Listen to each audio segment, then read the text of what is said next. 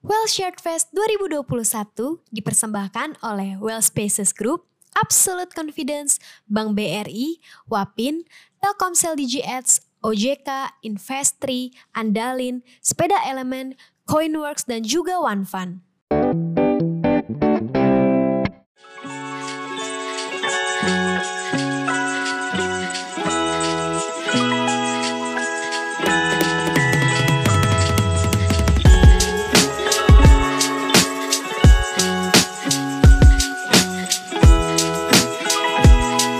Halo teman-teman, selamat datang kembali di Well Share Fest 2021.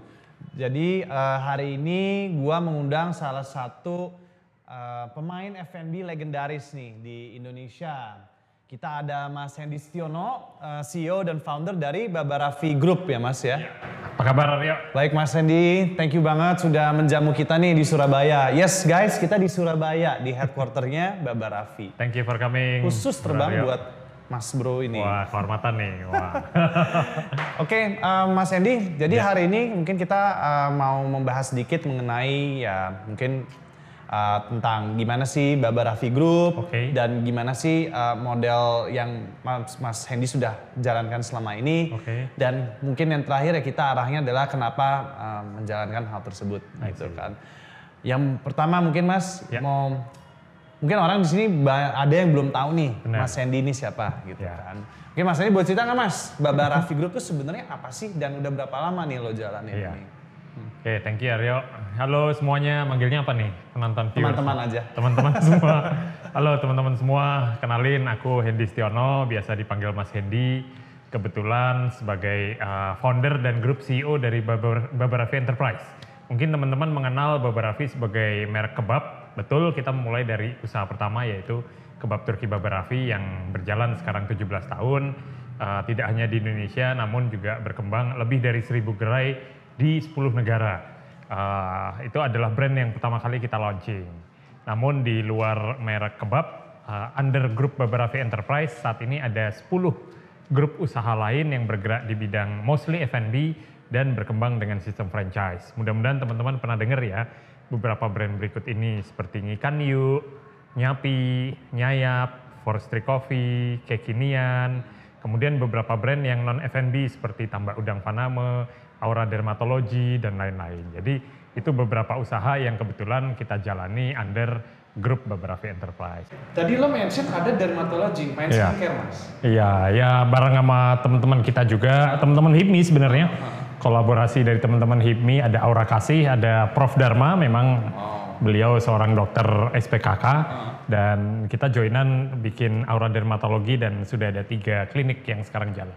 Oke. Iya. Nah, I mean like all F&B tiba-tiba skincare. Ini reason why gue penasaran aja sih. Sebenarnya lebih ke interest dan challenges buat eh, belajar sesuatu yang baru ya. Oke. Kebetulan istri dokter kulit SPKK, jadi aku terpikir karena kalau aku suruh kuliah belajar ilmu kedokteran nggak mungkin kan? Lama ya. Lama ya, akhirnya yaudahlah gue invest dan punya bisnis eh, skin center yang kayaknya paling mungkin gitu. Akhirnya jadilah usaha Oke, Aura that's Dermatologi. good. I mean like uh, konglomerasi ya dari F&B sekarang keluar ke ini. Ya, ya masih belajar sama Aryo nih.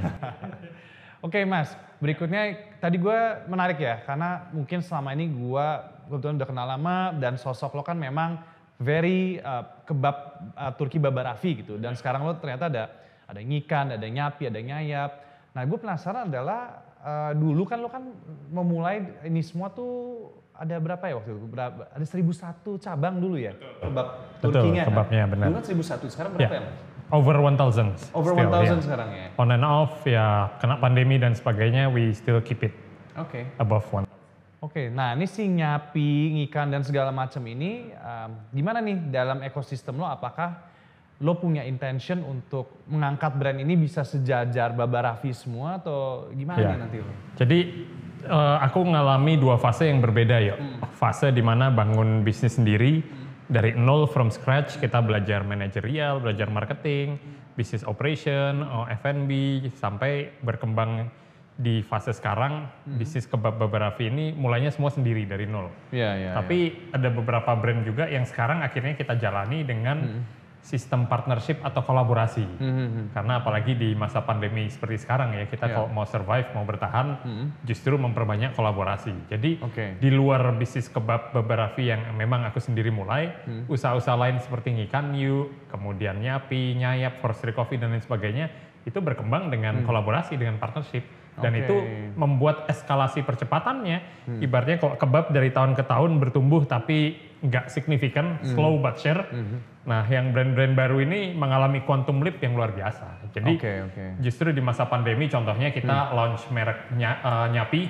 Ini kolaborasi sama youtubers terkenal namanya Edozel dan luar biasa dari cabang pertama yang kita buka di Gading Serpong bulan Juli tahun 2020 per hari ini udah lebih dari 70 cabang gitu, Oke, restoran oke, oke. yang kemudian membuat percepatannya jadi luar biasa signifikan karena partnership itu tadi. Oke, jadi lo kolaborasi partnership nih dengan um, ya selebriti, selebgram. Ya, ini ya. di semua brand baru ini. Eh, mostly ya, betul. Oke.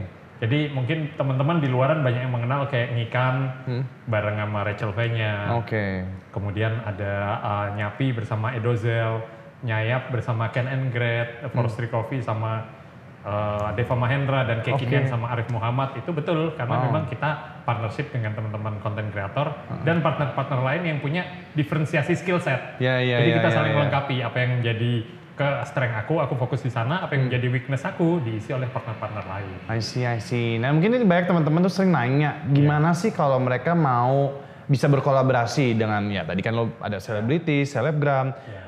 Eh, itu sulit nggak sih mas sebenarnya? Ya kalau buat lo kan ya Hendy Stiono, siapa sih yang mau partner sama Hendy Stiono gitu kan. Cuma position yourself for someone new. Ya. Do you think ya approach Mas Hendy waktu itu ke mereka bisa diaplikasikan ke mereka juga nggak ya? Am- am- maksudnya teman-teman di rumah gitu. Ya, sebenarnya nggak bisa dipungkiri partnership itu it's about uh, building relationship. Jadi building trust. Yang utamanya memang sebelum biasanya kita menjalin kerja sama bisnis itu sudah disertai dengan kenal dulu sebelumnya. Jadi sudah mungkin saling follow di sosial media, sudah sering saling komen, saling reply dan sebagainya sehingga kita sudah terbiasa interaksi. Sehingga pada satu momen merasa ada opportunity yang bisa, wah kayaknya ini bisa dikerjain bareng nih. Trust tersebut sudah terbangun karena sudah kenal. Kayak orang chemistry sebelum nikah kan harus Iya, pacaran iya. dulu. Ada Iya, iya, PDKT-nya. iya. Betul, nah, betul, proses betul. yang sama juga terjadi. Tapi tidak hanya secara chemistry, harus memiliki value yang sama. Kira-kira dreams-nya mau ke mana, visi misinya mau ke mana. Dan yang terpenting yang ketiga adalah punya diferensiasi skill- skill set. Kalau yang satu jago marketing, followersnya banyak, ya partner yang lain justru bisa melengkapi mungkin di aspek produksi atau operational sehingga kekuatan masing-masing inilah yang kemudian jadi satu seperti Avengers. Oke oke oke. Jadi eh, idealnya memang harusnya membangun relationship terlebih dahulu. Kenal Ya. sama Bro Aryo, gue udah kenal Bro Aryo udah 10 tahun lebih men, gila. Iya kan? Masih muda dulu kita. Masih muda, jadi sampai sekarang Bro Aryo sukses ini ya udah sudah fasenya eh, kita kenalnya udah lama. Siap, gitu. siap, siap. Baba Raffi kan udah I think 15 years now ya tadi. 17, ya. Eh, 17 now. Pasti dalam 17 itu nggak tahu ya gue ngeliat tuh kayak hidup enak mulu nih mas. Bener nggak? Maksudnya kayak kayak Amin. gini terus gitu Amin, bisnis. amin. Apa gimana? I don't know man. How- Padahal ya udah apa ya, udah ngelewatin empat kali krisis bro. Termasuk yang pandemi ini krisis keempat dan salah satu yang terberat yang kita alami. gitu. Maksud lo empat kali krisis nih, empat krisis dilebih-lebihkan atau beneran krisis nih? Kan? Beneran krisis. Jadi uh, uh, tiga krisis sebelumnya memang lebih related sama financial crisis. Ada beberapa karena kita salah ambil keputusan sehingga membuat uh, perusahaan cash flow-nya morat-marit, nyaris bangkrut dan sebagainya. Biasa namanya juga bisnis. Iya, Jadi kita ngalami krisis-krisis yang nyaris membuat kita bangkrut, namun justru kita bisa bangkit dan belajar dari keadaan tersebut. Iya, iya, iya. Nah, termaksud di masa pandemi seperti sekarang. Hmm. Kalau kita bicara Maret tahun lalu, kan kita masih bingung nih mau ngapain. Hmm. Belum ada toolsnya, belum ada know-how-nya, eh, semua lockdown, jadi kita benar-benar tiarap gitu kan. Hmm. Nah, semakin kemari rupanya eh, walaupun pandemi belum sepenuhnya berakhir, tapi Iya. kita sudah mulai terbiasa. Hmm. Sudah masuk ke new normal, bahkan next normal sekarang. Jadi kita sudah mulai ngerti nih selah-selahnya apa yang harus diambil. Sehingga pengalaman dari tiga krisis sebelumnya yang membuat kita bangkrut, justru menguatkan kita di kondisi krisis pandemi sekarang ini. gitu. Hmm. Jadi sudah ngalami yang namanya uh, financial crisis, sekarang financial plus aspek kesehatan, sehingga uh, priorities priorities yang harus diambil apa aja dalam mengambil keputusan itu membuat kita lebih bisa moving forward. Contohnya uh, efisiensi. karena kita menerapkan spirit startup. Jadi startup itu ada bagusnya juga. Itu udah startup. Startup gitu walaupun 17 tahun Iya, ya. Tapi masih ngerasa as a startup gitu kan. Jadi lean management, Hmm. moving forward, kemudian berani inovasi kreativitas, Hmm. eh, kemudian ya berani melakukan terobosan-terobosan lah Iya. yang breakthrough supaya berbeda eh, dan membuat kita bisa keluar dari situasi-situasi yang mungkin menjebak kita gitu kan. Hmm. Nah hal-hal itu yang kemudian membuat kita justru keluar dari situasi pandemi yang terkurungkung daripada mikirin omset turun turun terus, Iya, iya. mending kita create bisnis model baru kayak nyapi sama nyayap yang justru karena mostly ordernya secara online booming bro. Oke mas, jadi gue balik nih ke brand-brand lo tadi kan, lo Ya. Cloud Kitchen segala. Apakah waktu itu lo mau bikin ngikan, nyapi dan sebagainya macam itu tuh udah plan sebelum COVID? Enggak. Itu Jadi bener pas COVID plan ini semua? eh, yes. Oke. Jadi karena memang terdesak ya Aryo dan banyak di rumah kita pas awal-awal pandemi kan nggak bisa beraktivitas keluar kayak sekarang. Ngantor pun juga banyak WFH. Tapi nggak tahu ya itu yang aku amati sendiri justru dengan kita di rumah banyak berinteraksi lewat aplikasi Zoom contohnya itu produktivitas malah meningkat gitu. dan lebih serius. Dan break antar tiap meeting itu jadi lebih pendek gitu kan kita bisa Nggak perlu travel Oh, gitu-gitu nggak perlu travel kan? dan sebagainya sehingga itu yang bikin uh, aku sendiri akhirnya bisa lebih produktif. Uh, jadi dalam interval waktu tiga bulan pertama pandemi, bulan Juli kita udah lahir brand pertama Nyapi ini, gitu bro. Oke, wow. Jadi uh, memang uh, apa ya kadang kalau kepepet itu bikin kita lebih keluar kreativitasnya. Gue suka sih kayak istilah, udah, udah, udah di ujung tanduk nih harusnya ada something lah gitu kan, bisa kita Benar, benar. pecahkan. Benar, nah, benar. Jadi dari pandemi kan ini semua brand baru tahun lalu mas. Kalau Yes. boleh tahu, ini semua brand yang lo tadi baru pegang ini tuh sekarang udah berapa outlet nih? Iya, jadi uh, bersyukur sih gua bro. Kayak Ngikan udah hampir 200 outlet. Wow. Nya- Nyapi yang lahir tahun lalu juga udah 70 cabang. Nyayap juga nyusul ya kita baru launch dua minggu lalu dan uh, minggu depan kita udah buka cabang keduanya gitu kan. Jadi Oke, oke, oke. ya memang kita mau fast scale ya dan dan supaya brand yang sudah mungkin dikenal di sosial media sudah viral di sosmed ini gimana caranya biar bisa dikonsumsi dinikmati oleh konsumen yang tersebar di seluruh Indonesia sehingga kita mengambil strategi untuk memperbanyak jumlah cabang melalui ekspansi-ekspansi store-nya Wow. bro. Jadi tadi kalau bisa dibilang di luar Baba Raffi nih, yang baru-baru ini ada hampir 500 ada ya ditotalin semua. Eh, Tiga ratusan lah. 300-an lah ya. Iya. Cuan banget tuh mas. Gue ngitung. Amin bro. Iya, Amin bro. Oke. Nah, I'm guessing ini franchise ya, karena kan Yes. lo kan udah ngelakuin Baba Raffi kan selalu seperti itu Betul, franchise. betul. 17 years Ah. in franchise industry. Oke. Ya, Menarik. termasuk generasi pertama menyaksikan langsung brand brand-brand franchise yang dulu digdaya akhirnya nggak kedengeran sampai sekarang dan banyak bermunculan brand-brand baru beberapa kali siklus. Ya kita uh, along the way terus mengikuti dan part of the franchise industry sampai sekarang. Tapi kayaknya yang bertahan sebagai franchise lo doang ya. Uh, Oke, kecuali yang kopi-kopian lah. But other than that kayaknya lo paling sustain ya. Ya, ya, ya. So far ya. Ya bersyukur bro. Nah, makanya ini mungkin salah satu alasan kenapa gue undang Hendy, Mas Hendy, karena ya salah satu pen- eh, yang menjalani franchise udah lama banget, eh, belasan tahun, bahkan hampir 20 tahun nih Mas ya. Ya. Dan masih sustain dan malah berkembang terus Mas Hendy nih guys. Jadi nanti mungkin eh, habis ini kita akan break dulu sebentar. Siap. Kita akan ngobrol lebih dalam lagi tentang strategi Mas Hendy dalam menjalankan franchise nih Mas. Other than that, gue kemarin baru aja bikin sesi dengan Gufron, uh, founder Apa house. Kalau ini mas sebenarnya, gue nggak percaya franchise. Oh seru itu. Jadi kita lihat, gue mau lihat nih uh, perdebatan apa yang terjadi nanti. Ya. Jangan lupa saksikan uh, sesi kita abis break ini. Jangan ke mana-mana ya guys, see you soon. Stay tune. Oke guys, kembali lagi bersama gua Aryo dan ada Mas Hendy Stiono dari Baba Raffi. Jadi kita mau melanjutkan tadi adalah mau korek-korek nih franchise dan juga nanti perdebatan antara tim pro franchise dan tim pro enggak franchise. Wih, seru-seru. Oke, Mas, sebelum kita berantem ngomongin franchise atau enggak franchise, mau tahu juga kalau waktu pas Mas Hendy pertama kali mulai kebab uh, Baba uh, Raffi. Baba Raffi ini sampai sekarang ikan dan sebagainya, apakah masih menggunakan sistem franchise yang sama, Mas, dengan 17 tahun yang lalu?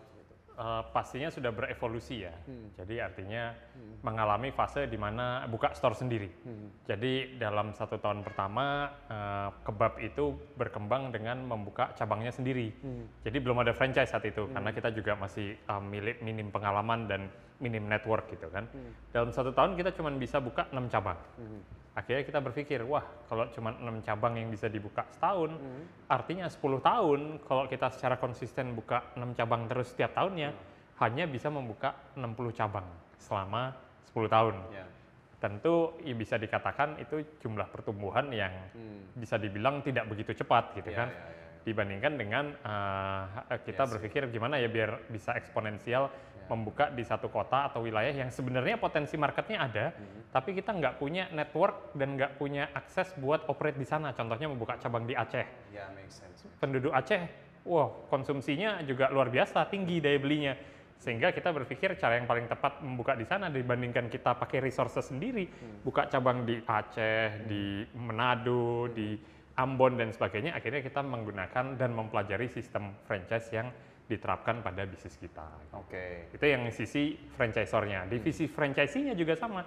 Di saat mereka teman-teman misalnya yang di satu daerah di Medan mau apply membuka bisnis kebab atau ngikan, dibandingkan mereka membangun brand awareness sendiri yang Ya, perlu ya. proses waktu dari nol, ya tentunya dengan franchise sudah memiliki satu paket yang ada complete package-nya. Ini loh sistemnya, ini loh brandnya, Ya, ya, ya. ini loh supportnya sehingga dengan begitu mempermudah teman-teman yang mengambil franchise sebagai mitra nggak perlu mulai dari nol jatuh sana jatuh sini pengalaman 10 tahun Ya. sudah tinggal di copy paste untuk diimplement di cabangnya. Oke, jadi sebenarnya dari dulu sampai sekarang masih sama nih mas ya strategi yang di, yang dijalankan Iya, sama Mas basicnya Hendy. sama, benar. Basicnya sama. Nah, inovasi apa sih mas yang sebenarnya terjadi nih dalam industri franchise over the past 17 years? Iya. Karena kalau zaman dulu kan gue inget kalau mau franchise kan simple ya. Iya. Oh lo mau kebab Baba Raffi, uh, oke lo bayar sekian, lo dapat bootnya, Iya. dapat bahannya, lo jualan depan Indomaret kayak depan Iya. rumah lo apa gitu. Iya. Nah sekarang tuh ada inovasi apa sih mas yang terjadi nih setelah 17 tahun gitu Iya. terhadap franchise? Jadi sekarang itu sedang berkembang tren di mana yang uh, lagi hits di kota besar gitu ya, lagi happening di kota besar karena adanya informasi sosial media dan sebagainya. Informasi yang sama nyampe ke teman-teman yang ada di Sumatera, di Kalimantan, di Sulawesi. Wah sedang happening nih, misalnya ada brand baru launching, Iya iya. barang sama influencer, boom meledak antrian rame tiga jam. Informasi yang sama yang dikonsumsi teman-teman di Jakarta itu juga mereka melihat di Makassar dan di kota-kota lain, sehingga hype tersebut dan tren tersebut eh, mereka juga nggak mau melewatkan, gitu kan? Sehingga eh, sesuatu yang kadang viral di kota besar itu eh, bisa dengan mudah eh, menyebar di kota-kota lain. gitu. Iya iya iya. Nah, sehingga berbeda dengan zaman dulu. Oke. Kalau zaman dulu saya bicara 15-17 tahun yang lalu di saat membangun bisnis sendiri, Hmm. growth-nya itu benar-benar step by step, slowly. Iya, iya, Jadi membangun fondasi satu demi satu, dikenal di satu cabang, word of mouth-nya beredar, Hmm. di satu kota Surabaya, kemudian dikenal di kota-kota sekitarnya, Hmm. Malang, Sidoarjo, Gresik dan sebagainya. Belum secara nasional. Hmm. Baru kemudian kita masuk ke Jakarta, mulai dikenal mungkin pas ada orang yang datang ke Jakarta nyobain kebab, mereka akhirnya tertarik buat buka cabang di kotanya. Jadi Hmm. Ya. informasi tersebut dapatnya secara slowly gitu kan. Hmm. Karena apa? Karena tidak mengutilisasi uh, penggunaan uh, digital. Oke. Digitalisasi saat itu belum menjadi strategi kita dalam mengkomunikasikan message. Ya. Sekarang berbeda. Iya iya. Bayangin kalau kita uh, biasa, apalagi kalau saya kan seneng buka akun-akun foodies. Mhm. Lihat apa sih yang lagi followersnya banyak gitu kan. Eh, yang viewsnya banyak apa aja. Itu kadang menjadi source of information. Oh ternyata tren bisnis ini sedang hits nih. Oke. Nah sehingga dengan begitu bisa menjadi dasar buat kita mengimplementasi uh, untuk menjalankan usaha brand tersebut atau kemudian menjadi mitra dan mengambil franchise untuk kemudian uh, tidak Mhm. ketinggalan tren Iya iya iya. untuk menjalankan hal yang sama di kota dia yang mau buka di mana. Oke oke. Nah sekarang nih, gue penasaran nih. Ya. Kalau gue mau franchise dari lo misalnya, Iya. ngikan atau apa, heeh. gue bisa tajir melintir nggak mas? Eh, hmm, Kalau kalau gue bukain lo 20 franchise bisa kali ya? ya, ya, ya. ya, ya, of course ya, faktor kali ya. Iya kan betul kali Tapi ya. sebenarnya gini, uh, of course uh, in a business Hmm. uh, nggak ada yang bisa memberi guarantee Pastinya semua lah. bisnis pasti uh, jalan, pasti jalan dan buat kita tajir gitu kan. Tapi if we, we do it in the right way, Hmm. following the procedural, following the uh, the existing SOP, Hmm. uh, pokoknya udahlah nggak nggak aneh-aneh dari yang namanya standarisasi aja. Itu most likely ya, Hmm. Ya. karena based on sejarah yang performanya bagus adalah teman-teman yang mengelola operasionalnya seserius mereka mengelola brand sendiri. Ini buat si franchising-nya ya. Oke. Gitu bro. Jadi paling gua tuh ya tadi kalau gue gua nggak suka franchise kenapa? Karena gua nggak bisa kontrol manajemen, operation, quality control, pokoknya banyak hal lah gitu. Ya. Karena gua akan berurusan dengan uh, ribuan atau ratusan uh, franchisee gitu kan. Tapi itu kan gue, gue males kali ya. Nah, tapi gue penasaran nih kalau dari sudut pandang Mas Hendy, I think what I'm I'm saying right now, I think it's a problem yang mungkin memang terjadi. Ya. Nah, apakah terjadi seperti itu? Apa komunikasi, kontrol-kontrol dengan Jadi gini, Heeh. ini maksudnya pengamatan aku pribadi ya. Hmm. Dan kebetulan kita bersahabat baik dengan teman-teman di sektor industri lain yang mengembangkan bisnisnya dengan cara yang berbeda-beda. Hmm. Ya. Semua memiliki plus minus dan kelebihannya sendiri-sendiri. Hmm. Ada contohnya, saya mengambil bisnis contoh es kopi susu deh, karena aku punya brand namanya Forestry Coffee Ya, es kopi susu. ya. Ada brand eh, kopi susu yang dia berkembang tanpa franchise sama sekali dan hanya buka cabang sendiri. Contohnya kopi tuku. Hmm, Jadi dia sama kenangan lah ya. Ya, ya kopi tuku, tapi dia benar-benar dari keuntungan usahanya dia expand buat buka cabang lagi, buka Ya, cabang ya. lagi.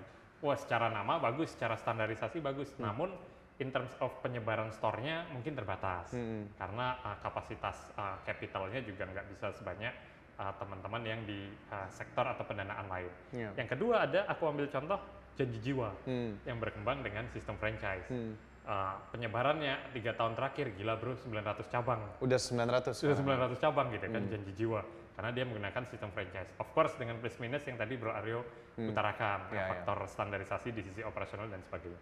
Dan ada yang ketiga dengan cara dapat investment gitu termasuk di antaranya kopi fore sama kopi Kopi kenangan. Berkembang juga semua di manage sendiri, di handle sendiri gitu kan. Namun eh, kalau eh, franchise berbaginya adalah di level store, Ya, ini berbaginya di level holding. holdingnya lah. ah. Jadi sama-sama berbagi Ya, ya, sebenarnya gitu. ya, ya. Tinggal semua memiliki plus minus masing-masing. Tapi kalau aku amatin, Hmm. mungkin di Indonesia atau aku lihat yang di China deh, karena Hmm. base-nya kan yang di sana. Uh, pada saat kita uh, fokus sama membesarkan bisnis kita di luar sisi operasional, Hmm. uh, yang terjadi seperti di China takutnya. Hmm. Yang dikejar bukan growth dari pertumbuhan bisnisnya itu sendiri, Oke. melainkan faktor perhitungan valuasi lain yang rumusnya mungkin kita nggak paham sehingga mengejar itu seperti halnya kopi brand yang di China tersebut. Oke. Tapi untuk menghandle tadi isu ya either communication atau Ya. management risk terhadap franchisingnya, eh, strategi apa sih yang memang Mas Hendy sudah lakukan nih untuk let's say memfilter atau memastikan hal itu tidak terjadi gitu. Ya, jadi kuncinya benar ada namanya komunikasi. Hmm. Ya karena kita dealing with people, kita dealing with Dan banyak lagi kan. benar Mm-mm. sama karyawan, sama tim, sama manajemen. Jadi idealnya yang terbaik adalah pada saat kita mau mengembangkan bisnis kita secara franchise, pastikan kita punya organisasi franchise. Karena organisasi franchise itu menyeluruh, mulai dari logistik supply chain, memastikan kita bisa mensuplai kebutuhan bahan baku, Uh, dari sisi operasional, memastikan kita bisa handling operation, dari sisi marketing, uh, franchise development, termaksud FR, ini yang terpenting, yaitu franchise relationship. Jadi ada divisi yang kerjanya setiap minggunya say hello, nanya kendaraannya seperti apa, keluhannya seperti apa dan sebagainya, diberi perhatian. Seperti bank lah, belajarnya dari bank juga. Sehingga dengan begitu pada saat mereka sudah merasa uh, didengarkan dan satu persatu uh, apa yang menjadi kendala di store uh, bisa di solve. Gitu. Iya. Yang awalnya ada 10 isu yang terjadi bisa berkurang menjadi dua, menjadi tiga sehingga hal-hal tersebut pelan-pelan bisa teratasi gitu sih bro. Oke, Jadi oke. kuncinya emang investment yang utama adalah investment di organisasi franchise. Oke oke. Nah, oke Mas, untuk berikutnya sih ini ya, kan tadi kan Mas Hendy udah cerita how to manage the team and how to manage expectation franchisee dengan komunikasi. Nah, kalau misalkan eh, apa ya, lo punya opportunity nih, Ya, lo dapat investment, let's say dari venture capital atau private equity, would you take that money or you tetap mau fokus sebagai franchise aja nih gitu? oke. Sebenarnya that offer juga sudah pernah beberapa kali datang sebenarnya. Oh gitu. Ya, jadi uh, ya kan kita harus bisa membaca uh, karakteristik dari diri kita dan membaca karakteristik dari bisnis yang kita jalani. Kalau kita kalau ke- dari awal saya mendesain bisnis saya adalah growth berdasarkan investment yang masuk, mungkin saya ambil Ya. karena saya mendesainnya ke sana. Oke. Tapi kebetulan di sini kita uh, value-nya uh, bukan di sisi itu yang utama, melainkan ya salah satunya memang Ko, Edozel partner kita di Nyapi pengennya justru di masa pandemi ini banyak teman-teman yang terkena PHK justru bisa buka lapangan kerja gitu, justru bisa memberi manfaat yang True, true, di sisi lainnya gitu. Nah Benar sehingga juga, benar di, juga. di aspek itunya Social impact-nya berasa ya Nah, sebenarnya. social impact-nya ya kan? berasa gitu. Ah. Jadi setiap kali kita ya, ya uh, bersyukur bisa buka cabang baru itu Hmm. meng-create 10 lapangan kerja baru dan satu entrepreneur baru gitu Hmm. kan. Demikian pula kita buka cabang kedua, cabang ketiga dan sebagainya sehingga dengan semakin banyak uh, kemudian satu brand yang berkembang dengan sistem kemitraan atau franchise, manfaat secara tidak langsungnya juga lebih banyak. Mungkin di aspek itunya yang lebih kita kejar gitu. Oke oke oke. Tapi kalau ditanya siapa yang nggak butuh dan nggak mau investment ya dalam hati kecil pasti ada. Tapi Iya. melihat kembali value tersebut, akhirnya Hmm. kita memberatkan apa yang yang menjadi goal besarnya sih bro. Oke oke. Tapi kalau menurut gue mungkin kalau dari pandangan gue adalah Ya. kalau gue nangkep ya, gue tadi sama ini kan gue bilang tadi ya, gue Ya. pro anti franchise. ternyata gue dapet oh, oke apalagi tadi ternyata ya social impact lah, you're giving opportunity buat mitra ini untuk Ya. berkembang bersama lo lah gitu Benar, kan. Oke, I think that is one good point ya. Um, the other thing is mungkin adalah jadi kalau gue ngeliat mas sebenarnya opportunity bisnis itu nggak bisa dibilang bagusan franchise atau nggak franchise ya. Betul. Semua punya ya kan? karakteristik dan plus minus masing-masing. Ha-ha. Gitu. Tapi kalau memang kebetulan every business yang lo bikin ini, apakah memang semuanya model lo akan franchisein semua atau sebenarnya ada nggak sih bisnis lo yang lain tuh lo nggak melakukan franchise gitu? Ada, Ha. ada. Eh, terutama untuk terus sebenarnya tergantung karakteristik bisnis modelnya. Hmm. Uh, artinya di saat kita berbisnis uh, dan kebetulan yang kita jalanin adalah nggak jauh-jauh dari F&B operation Hmm. karena skill dan talent tim kita ada di situ. Yang kedua nggak jauh dari uh, expanding stores, Hmm. ya termasuk salah satunya franchising. Tapi kalau udah di luar dua aspek ini, ya sudah pasti kita menggunakan strategi yang berbeda Hmm. dan uh, utilisasinya juga mungkin berbeda. Ya contohnya pada saat kita bikin uh, konsepnya toko kue yang base-nya adalah oleh-oleh misalnya. Si kekinian itu. Eh, ada brand lain. ada brand lain. Jadi di, di luar kekinian yang aku bikin, kekinian juga nggak franchise by the way. Tapi eh, di luar eh, brand tersebut, misalnya kita mau ngeluarin oleh-oleh khas sebuah daerah. Nggak mungkin dong dia karakteristiknya di satu kota terus di franchise jadi buat cabang lain gitu kan. Karena kan dia dikenal sebagai oleh-oleh kota tersebut, hanya di Jogja doang, hanya di Surabaya aja, hanya di Medan aja gitu. Sehingga dengan model begitu, eh, franchise menjadi tidak eh, suitable bisnis modelnya. Tapi eh, sekali lagi eh, bisa nggak kita mengeskalasi bisnis tersebut gitu kan? Bisa nggak kita memberi eh, impact lebih luas dengan membuka cabang lebih banyak lagi? Nah itu yang mungkin menjadi tantangan berikutnya gitu. Oke. Tapi ada nggak satu yang memang lo niatinnya gue mau coba ah pakai cara kopi kenangan nih. Kepikir? Ada. Kepikir, kepikir. Ada, ah. Dan ya kebetulan kita in the same circle, ya link dan partner kita juga teman-teman yang yang mereka di sektor dan dunia itu kan, termasuk uh, tech startup dan sebagainya yang uh, sistem investment dan financing grow-nya melalui cara-cara seperti itu. Jadi uh, yang belum bisa kita siapin adalah satu dedicated person atau dedicated partner yang dia 100% hidupnya harus ada di bisnis ini. Kan kalau dapat investment kan kita nggak boleh ke mana-mana bro di situ terus 100% hidupnya. Lo nggak mau gitu ya? Eh, kalau partner gua dia bersedia, su- fully support gitu bro. Mungkin bro Aryo? Nah, nanti kita ngobrol, tapi mungkin teman-teman yang di sana yang mau apply bisa juga kali ya Mas Hendy ya, kali-kali cocok. Kalau misalkan eh, lo akan merekomendasi teman-teman kita di rumah, kan sekarang banyak banget yang lagi mulai main F&B atau apa. Iya. Lo bisa bantu mm, ini nggak ya buat mereka kayak misalnya when they should do franchise buat brand mereka Ya. and when mereka kayak jangan franchise atau mereka sendiri aja gitu. Lo punya ini nggak dari That's a pandangan very lo? good question. bro. That's a very good question. Karena banyak banget bro. Hmm. Almost every day aku menerima DM, WA Hmm. yang yang yang nanya, Mas, aku bisnisku bahkan masih berupa bisnis model gitu. Hmm. Dia belum running. Dan sudah berencana mau Franchise mau franchise padahal prototipe-nya belum ada gitu kan. berani banget. gitu kan. Atau eh, ya dia mungkin punya satu store dengan organisasi yang masih minim masih mengelola satu outletnya itu. Dan eh, ha- berpikir cepat dengan wah mau di franchise sebenarnya bisa selama kita punya organisasi sekali lagi manajemen franchise yang sudah tangguh. Karena ya contohnya seperti yang kita jalanin. Di luar outlet operation tersebut di belakang ini ya termasuk nanti kita office tour ya ke Ya. beberapa plaza. Lihat teman-teman di sini bahwa organisasi terbesarnya adalah organisasi supporting franchise. Kalau itu sudah ada, mau kita launch brand baru, eh, siapin merek baru dan sebagainya, karena back end manajemennya sudah ready, gitu kan, itu boleh. Tapi kalau masih awal, masih satu cabang, saran aku buka cabang kedua, buka cabang ketiga sendiri dulu. Sampai ke berapa mas kira-kira ya? Paling tidak tiga cabang lah. Untuk bisa membuktikan modelnya berhasil atau enggak gitu. Benar, karena di situ dia akan eh, mengalami proses namanya duplikasi usaha, duplikasi sistem, mempelajari supply chain, gimana standarisasinya bisa terjaga dari satu store ke cabang kedua, ketiga, yang dia lakukan di trial di bisnisnya sendiri, gitu kan.